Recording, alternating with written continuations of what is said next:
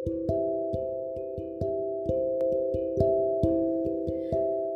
everyone. It's me, Esther. It's been a while, hasn't it? Well, today we're going to talk about something different than usual. So, we're not going to talk about health and medic series with Esther, but today we're going to talk about how natural resources affect the art industry. Yes, we're going to talk about the art industry. But before that, what is natural resources? Well, according to the Oxford Dictionary, natural resources are materials or substance such as minerals, forest, water, and fertile land that occur in nature and can be used for economic gain. Natural resources have a long history with the earth by means natural resources have a big impact on the society. It could be proven throughout the throughout history, whether it's World War One, World War Two, and etc. Well, in fact, one of the most obvious pieces of evidence on how important natural resources is is when all of the countries that colonized Indonesia came for the spices, human resources, natural resources, and even more.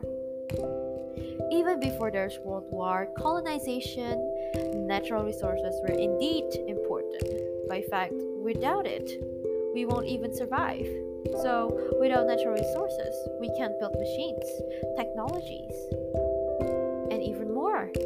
Thus, we could all conclude that natural resources affect society and the environment. But how do natural resources affect the art industry? The art industry was so big and so wide, so how does it affect? How do natural resources change the art industry? Well, before that, let us talk briefly about the art history. It all started with cave art, or we could call it as Stone Age art. So, by the name of it, we could tell cave art. Well, cave art is actually one of the first generations, or we could say one of the first arts that are found in the history, and it was done in a cave. The tools that we need to make for this cave art is our hands, stone, and blood. Yes, these are made in the Homo sapiens era where we tend to use blood from animals leftovers to paint on the wall. Cave art doesn't require that much complex materials. In fact, I think out of all of the art history, cave art has the most simple materials that uses natural resources that aren't hard to make or hard to find. So it is something common that you could always find everywhere. Cave are generally the numerous paintings and engraving found in caves and shelters dating back to the Ice Age or Upper Paleolithic, roughly between 40,000 and 14,000 years ago. And it was also stated that the first painted cave was acknowledged as being Paleolithic, meaning from the Stone Age was Altamar, Altamira in Spain.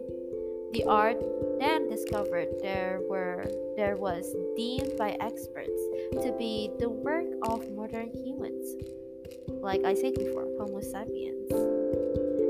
Well, after the cave art, it comes or we could say Stone Age art comes the Bronze Age art. Well, there are a lot of types of Bronze Age Bronze Age art, but one of the most well-known Bronze Age art is Egyptian art. Yes, the Egyptian are probably the first culture to adopt recogni- recognizable style of art and this time, the tools that are needed are more advanced than the cave arts. Before we use something like stone, blood, and hands, it was advanced to more tools that are needed because uh, evolution changes from mind's knowledge and things are gained from humans. So we use more tools that are a bit more advanced and complex. And here we are focusing on the sculpting art. So for softer stones, they use copper chisels and stone tools. And for hard stone, they use a yet harder stone, copper alloys, and use of abrasive sand to shape them. In terms of polishing, uh, we use they use smooth rubbing stone and abrasive sand with a fine grit. After the Bronze Age comes the Iron Age art and classical anti- antiquity. One of the most well known Iron Age art is probably ancient Greek art. Actually, there are more, but so far, the one that I think all of you are familiar with are probably ancient Greek. So, ancient Greek is then divided to a certain period, which comes the Dark Age, the Geometric period, the Oriental style period, the Archaic period, the Classical period, the Hellenistic period, and that is probably the last period. Uh, in terms of tools, they're very familiar with the Egyptian art, though they have different base. So the base that are used are very different from the Egyptian terms of base, they use something that are more complex and that are rare to get, such as marble, bronze, and porous limestones. And instead of polishing, they tend to paint, or often rather garishly for modern tastes. To make it not so boring, I will fasten up the history. So after Iron Age art comes the medieval art, then it went to Renaissance, the post Renaissance art, modern art, and lastly, contemporary art. In between those ages that I mentioned before comes um, realism, uh,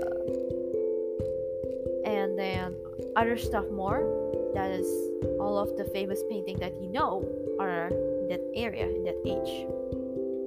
Well, throughout the histories, tools and supplies that are used to create a certain art are different from each other.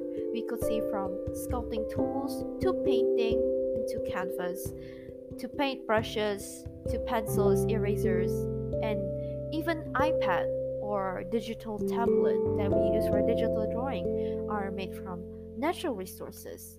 And it went from something that is very simple and easy to find minerals into something that is more complex and complicated. Well, throughout the art histories and tools and supplies that are used to create a certain art are different from each other. Thus, this means that there are a lot of natural resources that are used in every art.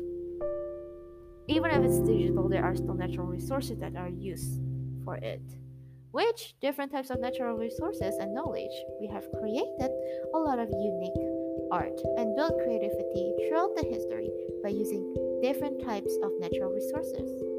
So, we have finally come to an end of this topic discussion. I actually have a really fun time explaining a lot of my knowledge to you. It's been different than usual, but I do hope that you enjoyed the topic that I brought. Hope to see you next time. I'm Esther, your host, and you're listening to my podcast. See you